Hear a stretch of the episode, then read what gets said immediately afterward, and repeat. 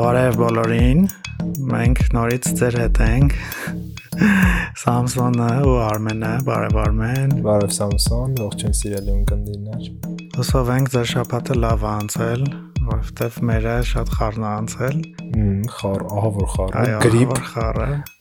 խառը ներքաղաքական եւ արտաքին քաղաքական իրավիճակ, լերահոսին պետքա հասցնես հետեւել, դրանք այդ ամեն ինչը լուսաբանել, նյութը պատրաստել, ուղարկել,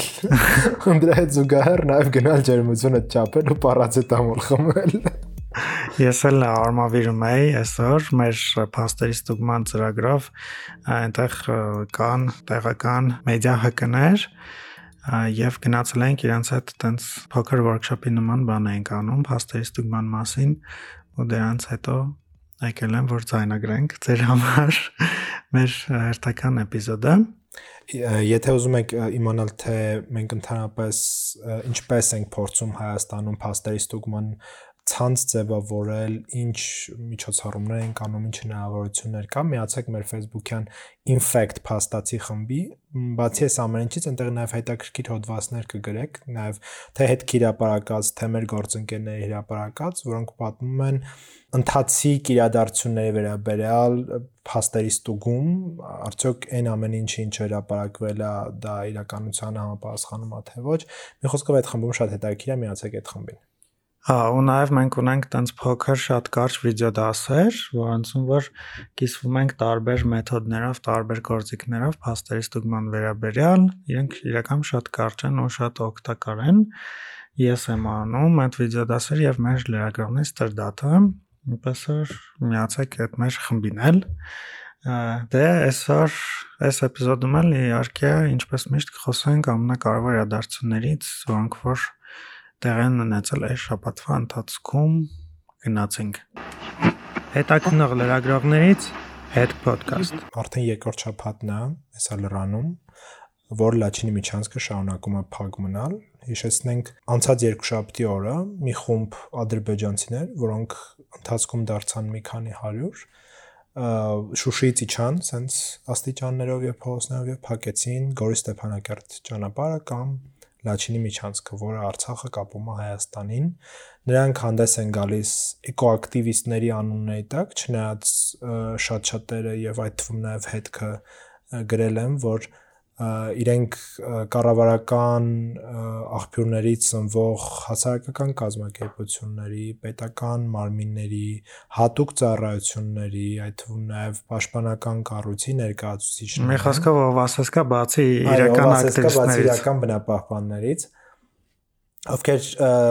ակնհայտ քաղաքական նպատակներով, իսկ գլխավոր նպատակը իհարկե Հայաստանից միջանցքի կորզումն է, խոսքը Զանգեզուրի միջանցքի մասին է, Գնացել են ու հիմա փակել են այդ միջանցքը ու արդեն երկրորդ շաբաթն է իրանք չեն թողնում որևէ մեքենա անցնի քաղաքացիական չնայած իրանց առաջնորդները պնդում են որ իրենք չեն փակել այդ ճանապարհը ռուս խաղապահներն են փակել իրավիճակ ինչի են իրանք նման պնդումներ անում որ որովհետև ռուս խաղապահները եկել են երկու կողմից իրանց են շրջափակել եւ մի տեսակ աննորմալ իրավիճակ է դարձել Բայց մեկ-մեկ բացվում է ճանապարհը ռուս խաղապահների համար ուտելիք եւ այլ անհրաժեշտ պարագաներ բերելու համար վիդեո կա, տեսած կլինի հաստատ։ Հա, տեսել եմ։ Ռուս խաղապահները գալիս են ասում են, ռուս խաղապահը գալիս է ասում է, կբացեք ճանապարհը։ Граждане Азербайджана, откройте дорогу։ Իսկ իրանք ասում են, ոչ, օքեյ գնում է նստում ու հետա գնում այսպեսի абսուրդի իրավիճակ է տիրում հիմա Լաչինի միջանցքում Լաչինի միջանցքի շուրջ քննարկումներ են ծավալվում Հայաստանի Հանրապետության արտաքին գործերի նախարարությունը հայտարարում է որ ինքը դիվանագիտական ճանապարհներով փորձում է հարցը լուծել այսօր դեկտեմբերի 23-ին Մոսկվայում պետքա կայանար Արադ Միրզոյանի, Ադրբեջանի արտաքին գործերի նախարար Ջեյհուն Բարամովի եւ Ռուսաստանի արտաքին գործերի նախարար Սերգեյ Լավրովի երակոմ հանդիպումը, որտեղ ի սկզբանե նշված էր, որ պետքա քննարկվի խաղաղության պայմանագրի հարցերը, բայց վստահաբար առաջնային թեման լինելու է Լաչինի միջանցքի բացման հարցը եւ հաստատ Ադրբեջանը այդ թեման օգտագործելու էր իր այսպես թեզերն առաջ տանելու համար։ Բայց նախորդին Հայաստանի Հանրապետության արտաքին գործերի նախարարությունը հայտարարում է, որ հայկական կողմը խնդրել է Մոսկվային հետաձգել այդ երակոմ հանդիպումը եւ Հայաստանը փաստացի այսօր չի մասնակցել։ Փոխարենը Մոսկվայում հանդիպել են Ռուսաստանի եւ Ադրբեջանի արտաքին գործերի նախարարները եւ մի հատ շատ հետաքրքիր հայտարարություն արել Լավրովը։ Ինքը ասել է, որ դիվանագիտական ճանապարհներով Հայաստանը մեզ չի տեղեկացրել, որ իրենք չեն մասնակցելու այդ հանդիպմանը, այլ իրենք միայն իմացել են Հայաստանի արտաքին գործերի նախարարության խոսնակ Վահան Հունանյանի տարածած հաղորդագրությունից։ Ես մի քիչ սա ավելի շատ համարում եմ ռուս-ադրբեջանական տանդեմի կողմից արված հայտարարություն, то есть տեղեկատվական աղբորը գցում են լրահոս։ Վստահաբար ես ամեն դեպքում կարծում եմ, որ Հայաստանը միջև նման հայտարարություն տարածել է, հաստատ իրանց տեղեկացրել է, չէր կարա չտեղեկացներ եւ կարծում եմ, որ սա Լավրովը միտումնավոր է այս խայծը գցել, որ հանդիպման չկայացման մեղքը գցի Հայաստանի վրա։ Առանց այն Լավրովը իր հայտարարություններում բարբերաբար պնդում է եւ առաջատանում ադրբեջանական թեզը, գաղտնիք չի ոչ մեկի համար, որ ռուսները միակ պետություն, Ռուսաստանը միակ պետությունն է, որ Լաչինի Միչանսկի շուրջ ստեղծված իրավիճակում նշում է հանքավայրերի շահագործման հետ կապված, ցիտում եմ իրանց, հանքավայրերի օգտագործման հետ կապված կողմերի ունեցած տարաձայնություններն են պատճառը, որ Լաչինի միջանցքը փակում։ Որևէ այլ երկիր, հատկապես Մինսկի խմբի համանախագահ երկրներ, որոնք պատասխանատու են Ղարաբաղյան հարցի կարգավորման համար, նման հայտարարություն չեն անում։ Ոչ միայն այդ, այլ նաև ուրիշ խնդրահարույց հայտարարություններ են արել ՄԱԿ-ի ԱԽ-ի նիստի ժամանակ, բայց դրան մի քիչ հետո կանանդառնանք, այսինքն հերթով կպատմենք, որ երկրները ինչ են ասել ու ինչ կարևոր հետևություններ կարող են կանել այս ամեն ինչից։ Հիմա էլ փաստորեն Լավրովը հանդիպման չմասնակցելու մեղքը գցում է Հայաստանի վրա։ Բացի այդ Լավրովը ոչ միայն ամբողջ մեղքը բարթում է Հայաստանի վրա, այլ նաև ոչինչ չի ասում այն ժամանակ, երբ որ Ադրբեջանի արտաքին գործերի նախարարը բացահայտորեն իր դեմը նստած հայտարարում է, որ ադրբեջանցիները չեն փակել Լաչինի միջանցքը, այլ դա փակ է Ռուսաստանի խաղապահների կողմից։ Բացի այդ Լավրովը որևէ բառ չի ասում, որ Լաչինի միջանցքի փակ լինելու պատճառով Արցախի բնակչությունը հիմա ունի շատ լուրջ վտանգ հայտնվելու հումանիտար ճգնաժամի մեջ։ Հա, սկսվում է ճգնաժամը։ Արցախում կա դեղամիջոցների, սննդի, վառելիքի մեծագույն պակաս, Եվ հիմա փաստացի այդ մարդիկ գտնվում են շրջափակման մեջ եւ Լավրովը որևէ բան չի ասում, ավելին Արցախի իշխանություններին այսօր իրարած ճեպազրություն մեղադրում է, որ հա կհիշեք մի երկու շաբաթ առաջ, 3 շաբաթ արդեն առաջ հայտնի դարձավ, որ ադրբեջանցիներն ու ռուս խաղապահները գնացել են Դերենբոն եւ փորձել այնտեղ մոնիթորինգ իրականացնել այդ հանքավայրերում եւ արցախցիները չեն թույլատրել նրանց եւ հիմա Լավրովը կանգնում եւ հայտարարում է, որ ադրբեջանցիներն ու ռուսները չեն մեղավոր, որ մոնիթորինգը չի եղել։ Նա այդ մեղքը բարթում է Արցախի իշխանությունների վրա։ Փաստացի Ռուսաստանը օքեյ է եւ նախորեն նաեւ Մարիա Զախարովանը ինքը հայտարարեց, որ մենք չենք ասում փորձագետներն են այդպես ասում, որ այդտեղ բանի խնդիր կա, նաեւ այդ հանքա հորերի օգտագոր հանքավայրերի օգտագործման հարցը կա եւ երկկողմերը չեն կարողանում միմյանց հետ լուծել ինչ հանքավայրերի հարց այդտեղ միակողմանի պահանջ է ադրբեջանից մենք որևէ կերպ այդ հարցը չենք բարձրացնում դա մեր օրակարգում չկա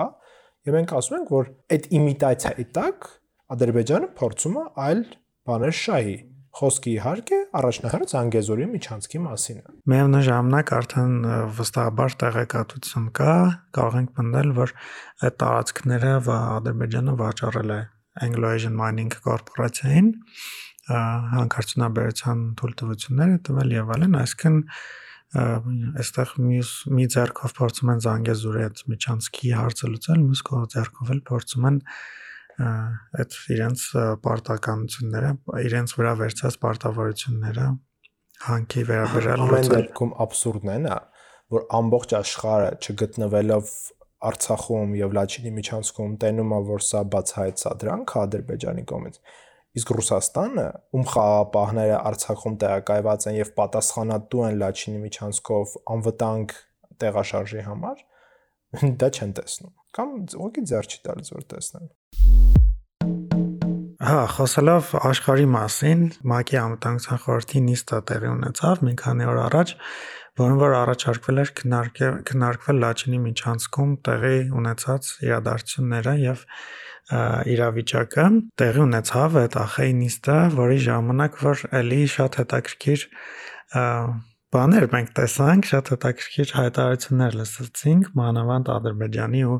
Ռուսաստանի ներկայացուցիչների կողմից, բայց հիմա հերթով կփորձենք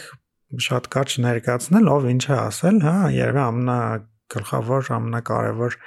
ամնամեծ դերակատարություն ունեցող երկրներին անդրադառնանք, հա, սկզբից ԱՄՆ-ն Օրինակ ԱՄՆ-ի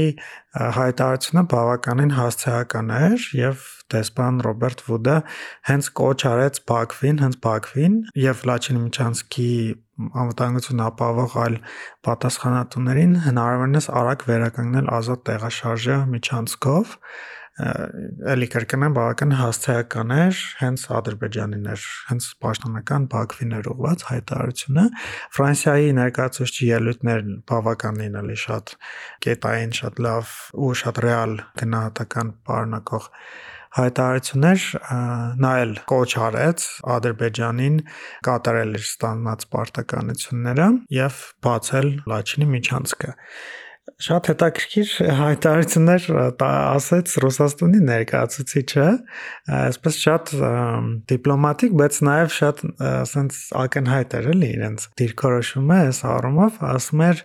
որ անհանգստացած են Լաչինի Միչանսկի արկելափակմամբ։ Նաև մի fake news ասեց իր ելույթի ընթացքում, ասաց որ մասնա Լաչինի Միչանսկը մասնակի բացվել է երթևեկության համար, ինչը բնականաբար իրականության հետ որևէ կապ չունի։ Այնպեսի մի իրավիճակ ունեմ երբ որ ՄԱԿ-ի Ռուսաստանում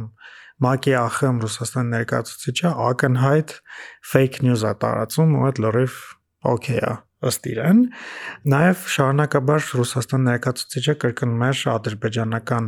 հանքավայրերի մասին այդ խոսույթը, թեզերը, որ Ադրբեջանի բնապահպանների այցելությունները Լեռնային Ղարաբաղի հանքավայրեր վերականգնվել են, վերջում էլ կոչ արեցին Ադրբեջանին եւ Հայաստանին զսվածություն դրսեւորել եւ հետեւել երկում հայտարարությանը, այսինքն Հայաստանին ինչու են իրենք կոչ անում զսվածություն դրսեւորել, այսինքն Հայաստանի Հայաստանն այս դեպքում ինչ է արել, པարզ չէ եւ ասում են մենք ակնկալում ենք որ Ռուսաստանի միջնորդությամբ ուժի չկիրառելու եւ հրադադարի բոլոր պայմանները կպահպանվեն այսինքն այս ակնկալիքները ում կողմից են իրենց երևի իրենք իրենցից պետք է ակնկալիքներ ունենան որոնք որ չկան ըստ երևույթի այս առումով կարծում եմ մակում ելույթները շատ լավ ցուցիչ կարող են լինել բոլորի համար հասկանալու թե Լաչինի Միչանսկի վերաբերյալ որ երկիրը ինչ դիրքորոշում ունի եւ ինչպես է պատկերացնում հարցի լուծումը այսինքն մի կողմից ունենք Ֆրանսիա եւ ԱՄՆ, որոնք որ հաստատական կոչ են անում Ադրբեջանին բացել Լաչինի միջանցքը, որովհետեւ հստակ անհերքելի փաստ է, որ Ադրբեջանն է փակել այդ միջանցքը։ Մյուս կողմից էլ ունենք ռուսակ, ռուսական կողմը, որը ունի խաղապահներ, որի անմիջական պատասխանատվությունն է ապահովել անխափան այդ Լաչինի միջանցքի աշխատանքը, որը կոչ է անում երկու կողմերին զսպվածություն դրսևորել։ Ամեն դեպքում, եթե հանուն արդարության ասենք, իհարկե շատ հաճելի է նման հայտարարություններ լսել, բայց հայտարարություններով սահմանափակվելը քիչ է որովհետև եթե գործնականում, այսպես ասած, մեծ երկրները իսկ անվտանգության խորհուրդը ՄԱԿ-ի անմիջականորեն պատասխանատու աշխարհում խաղաղության համար բավարարում է միայն հայտարարություններ անելով եւ որևէ գործողություն չի իրականացնում, որպեսզի կանխի այն իրավիճակը, որ այսօր կա Լաչինի միջանցքում, դառնում է մի տեսակ անիմաստ։ Դիվանագիտությունը եթե չի աշխատում, սկսում է աշխատել արդեն կոշտ մեթոդները։ Կոշտ մեթոդները եւս դիվանագիտության մի մաս են։ Մեր ունկնդիրների մոտ կարող է այնպիսի տպավորություն ստեղծվել, որ մենք, չգիտեմ, անընդհատ Ռուսաստանին քննադատում ենք, անընդհատ փորձում ենք, չգիտեմ, արևմուտքի դերն ավելի բարձրացնել, Չէ, ուղղակի մենք փորձում ենք իրեն իրենց անուններով կոչել։ Եվ եթե Ռուսաստանի ով մեր գլխավոր ռազմավարական դաշնակիցն է ամեն դե, ամենայն դեպս այդպես է հայտարարվում, իր ներկայացուցիչները ակնհայտ ոչ իրենց, չասեմ հայամետ, բայց գոնե իրենց դաշնակցի շահերից բխող հայտարարություններ են անում, կներեք, ես անձամբ չեմ պատրաստվում այսպես ասած փորձել դա արդարացնել եւ զուգարաբար չեմ փորձում արդարացնել նաեւ Եվրոպային, որը իր մի շարք արժեքներ մի կողմ դրած, իհարկե ինչքան էլ վառելիքը շատ կարևոր լինի, բայց նաև գոյություն ունեն որոշակի արժեքներ, սկզբունքներ, դա փորձում է թաքցնել Ադրբեջանից փոխարենը գազ ներկրելով եւ շատ բաների վրա աչք փակելով։ Սրա մասին մենք եւս բարձրաձայնում ենք։ Այո, մենք միշտ միշտ էլ խոսել ենք ԵՄ-ի այդ վարած երկ երեսանի քաղաքականության մասին, ու այնպես չէ էլի որ այս ուղակի ախրում հայտարարություն անելով իրենց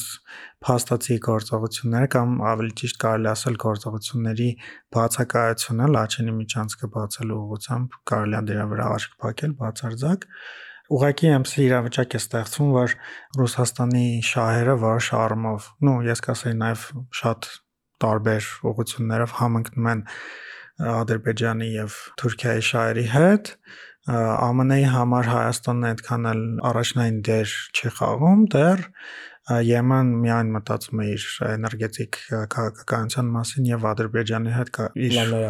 պլաններն է մշակում։ Այսինքն որ թե հենց բուն Ադրբեջանից այդ ամեն ինչ ներկայանում, այլ Ադրբեջանը որպես դեպի Թուրքմենստան, դեպի այդ թվում նաեւ Իրան, այնտեղից գազ ու նավթ ներկրվելու տեսան։ Դե այդ գազային համակարգը, այդ խողովակները բանը կա եւ Ադրբեջանը այդ ցանցին միացած է։ Այո, նաև Եմենն էլ շատ շատ դեպքերում շատ լավ աչքա փակում նրա վրա, որ Ռուսաստանն շատ մեծ հնարավորություններ ունի Ադրբեջանի միջոցով իր գազը վաճառել Եվրոպային, բնականաբար նույնիսկ դրա վրա են իրանք կարող աչք փակել ու երբ որ Լաչինի միջանցքում 120.000 հոգի ոնց որ թակարդի մեջ կարելի ասել մնա մնացել են թակարդի մեջ Վոնդեր Լեյենը Ադրբեջանի նախագահի հետ հայտարարում է, որ Ադրբեջանի կանաչ էներգիան բերում ենք ԵՄ, իհարկե no comment այստեղ։ Բացի հետաքրքիր է նաև որ Հայաստանի բարձրաստիճան պաշտոնյաները եւս ակնհայտորեն sense բացեի բաց Ռուսաստանին քննադատում են, մասնավորապես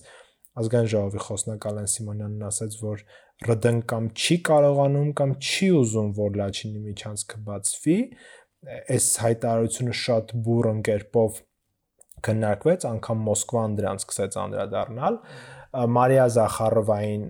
ադրբեջանցի լեագրողներից մեկը հարց էր տվել նախորդին, թե ինչ կարծիք ունեք Ալեն Սիմոնյանի այս հայտարարության վերաբերյալ։ Զախարովան ինքը ասաց, որ ծանոթ չէ ոչ Ալեն Սիմոնյանի հայտարարությանից, Ալեն Սիմոնյանը նման կերպ արձագանքել էր Մակում Ռուսաստանի ներկայացուցչի հայտարարությանը, որ նա խոսում էր հանքավայրերի մասին եւ ինքը ավելին ասեց նաեւ ծանոթ չի մակում իրանց ներկայացուցչի հայտարարությանը ինքը պետքա ծանոթանա նոր դրա մասին մեկնաբանի վերջին օրերի ընթացքում շատ բացահայտ ու ակտիվորեն ռուսներին քննադատում է նաև վարչապետ Նիկոլ Փաշինյանը, նաև բացառություն չէ նախորդ օրը կառավարության նիստի ժամանակ նրա հայտարարությունը, մասնավորապես ինքը ուղիղ ասեց, որ Ռուսաստանը չի կատարում երրակողմ հայտարարությամբ իրեն վերապահված պարտավորությունները, ուղիղ կերպով ասած մեղադրեց Պուտին Պուտինի չէ ուղիղ կերպով մեղադրեց ռուս խաղապանային եւ ընդհանրապես ռուսական վերնախավը հա Պուտինին անձամբ մեղադրելուն դեռ հա Պուտինին անձամբ մեղադրելուն դեռ չէ ասենք շատ արագ Մոսկվան մի անգամից արձագանքեց ասաց որ ռուս խաղապահները փաստաթղթի տառին կետին ոգուն համապատասխան իրականացնում են իրենց արժեվ դրած պարտավորություններ Պեսկովն էր նման ձևով արձագանքել Զախարովան էլ ասաց որ չի ընդունում նման վերաբերմունք իրենց խաղապահների հանդեպ։ Ռուսական իշխանության համար ռուս խաղապահների վերաբերյալ վերաբերյալ նման վերաբերմունքը անընդունելի են իրենք համար։ Կարելի է Զախարովային խորտալ ինքը այն վիդեոները նայ, որտեղ որ ադրբեջանցի այդ շակերտավոր էկոակտիվիստները ցույց են տալիս իրենց վերաբերմունքը ռուս խաղապահների հանդեպ Երբ որ ինչ ասես ասում են Զախարովան պետքա իր անմիջական ղեկավարին ասի, Պարոն Լավրով, ձեր դիմաց նստած է պարոն Բայրամովը եւ ինքը բացայտ ասում է, որ ռուսներն են փակել Լաչինի միջանցքը։ Կարող է մի հատ ինչ որ բան ասես, թե չէ։ Այսինքն ընդունում են վերաբերմունք նման, բայց ոչ Հայաստանից։ Այո, Իրական ինչ որ վերաբեր հատուկ վերաբերմունք է չկա, էլի, որ ասում չենք ընդունում այս վերաբերմունքը, այլ կա փաստերի արձանագրում։ Իսկապես ռուսական կողմը չի կատարում իր պարտականությունը։ Ու իրականում էլի ռուսական մեդիա դաշտում էլ, չգիտեմ, այդ իր ռոպագանդիստների մոտ էլ էլի զարթնել այն թեզը, որ Հայաստանն իրանցից փոկվում է, Հայաստանը գնում է դեպի արևմուտք, պետք է ամեն ինչ անել կանխել, բայց այնքան իրանք քյալ են, շատ կներեք իմ արտահայտության համար, որ պետք է սեփական գործողություններով փորձես բոլորին հակառակը ապացուցել։ Երբ որ դու քո գործողություններով անում ես բաներ, որոնք հարևան քո դաշնակից երկրում այլ կարծիք են քո մասին ձևավորում, ուրեմն այդ երկիրն այլևս քո բանը չի ներ։ Անկամ այն ամենամոլի ռուսամոետները սկսել են ինչ որ քննադատել բանեն դրա վառ ապացույցը Telegram-ում հայկական ռուսալեզու Telegram-յան ալիքներն են, որոնք ակնհայտ, այսպես ասած, Ռուսաստանում այդքան երևի իմպերիալիզմով չէին տարապում, ինչքան այդ Telegram-ների հեղինակն են։ Այո։ Բայց հիմա որոշ այդ ալիքների վարողներ նույնց Կրեմլին մեղադրանքներ են բանանում, երևի իրանց աչքերն էլա բացվել, ասենց հրաշքով, բան, որ արդեն սկսում է զարմանալ, որ մեր իրավիճակը փոխվել։ Այո։ Ես կարծում եմ Ռուսաստանից ակնկալել, որ ինքը կդադարի Հայաստանին նայել որպես իր գաղութ, հա, որպես իր այսինքն Հայաստանի վրա չի տարածի իր նեոիմպերիալիստական այդ vision-ը, տես, հա, այդ ակնոցներով չի նայ Հայաստանի վրա, ուղղակի անհույս է։ Դե համար կարծում եմ շատ-շատ մարդկանց իսկապես ճիշտ ես ասում, ես էլ եմ նկատել շատ-շատ մարդկանց մոտ, ովքեր որ երբեք չեն մտածել, հա, այս Հայաստան, Ռուսաստան, այս գաղութատիրություն, ընդհանրապես պատմության եւ այլն քննադատական չեն մոտեցել, հա, մեղմ ասած Ռուսաստանին, հիմա արդեն կամած-կամած սկսում են բայց այս դա երկրորդ վտանգն էլ կա։ Դրան զուգահեռ իրենք սկսում են իրենց ակնկալիքներն արևմուտքից մեծացնել։ Այո։ Չգիտեմ արևմուտքը ինչ որ ձևով դա կարթարացնի իրենց մոտ թե չի արդարացնի, բայց այդ հիասթափությունը կարա շատ ավելի մեծ լինի։ Երբ որ ուղղակի գանգ մի պահի կանգնենք, ու հասկանանք, որ պետք է մեր հույսներս իրականում ինքնած միայն մեր վրա դնենք ու հաստատի չկանգնենք կոտրած տաշտակի առաջ։ Այո, մենք իրականում մենք ունենք մենակ ինքներս մեզ եւ վերջ, այլ ուրիշ ոչ մի երկիր, ոչ մի ուժ ու ոչ մի պետություն այնքան մեզ չի կարող օգնել, ինչքան որ ինքներս մեզ։ Այս ֆոնի վրա մի քիչ նաև իր գոյության մասին հիշեցրեց նաև հապկը, որը իհարկե Հայաստանի անվտանգության երաշխավորողն է, բայց փաստացի Արցախի հետ իրենք որևէ գործ չունեն։ ԶԱՍ-ը, ով հեռանում է վերջի վերջո, հունվարի 1-ից Ղազախստանցի Ղազախ ռազմական գործիչներն ես նախին պաշտպանության նախարար կներեք անունը չեմ կարող հիշեմ ու արտաբերեմ, որովհետև շատ խառը անուն ազգանուն է։ Միայն այն որ հիշում ես Ստանիսլավ Զասյանն արդեն հերիք է իրական։ Հա, ու ԶԱՍ-ը ասաց, որ Լաչինի միջանցքն իրենց պատասխանատվության գոտուց դուրս է։ Այո։ Այսինքն հապկին մոռացեք, հապկը ձեզ համար ոչ Surprise։ Հապկի իսկի չի գա ձեր Վարդենիսն ու ջերմուկը պաշտպանի, ինչ մնաց Լաչինի միջանցքը։ Այո։ Եվրամիությունն էլ մտադիր է նոր առաքելություն ուղարկել Հայաստան։ Դե գիտեք Հայաստանում կար առաքելություն, մոնիտորինգային առաքելություն, որը հոկտեմբեր ամսից սկսած սահմանամերձ գոտիներում Հայաստանում մոնիտորինգ էր իրականացնում եւ որը պես քիչ թե շատ ինչ որ ձևեր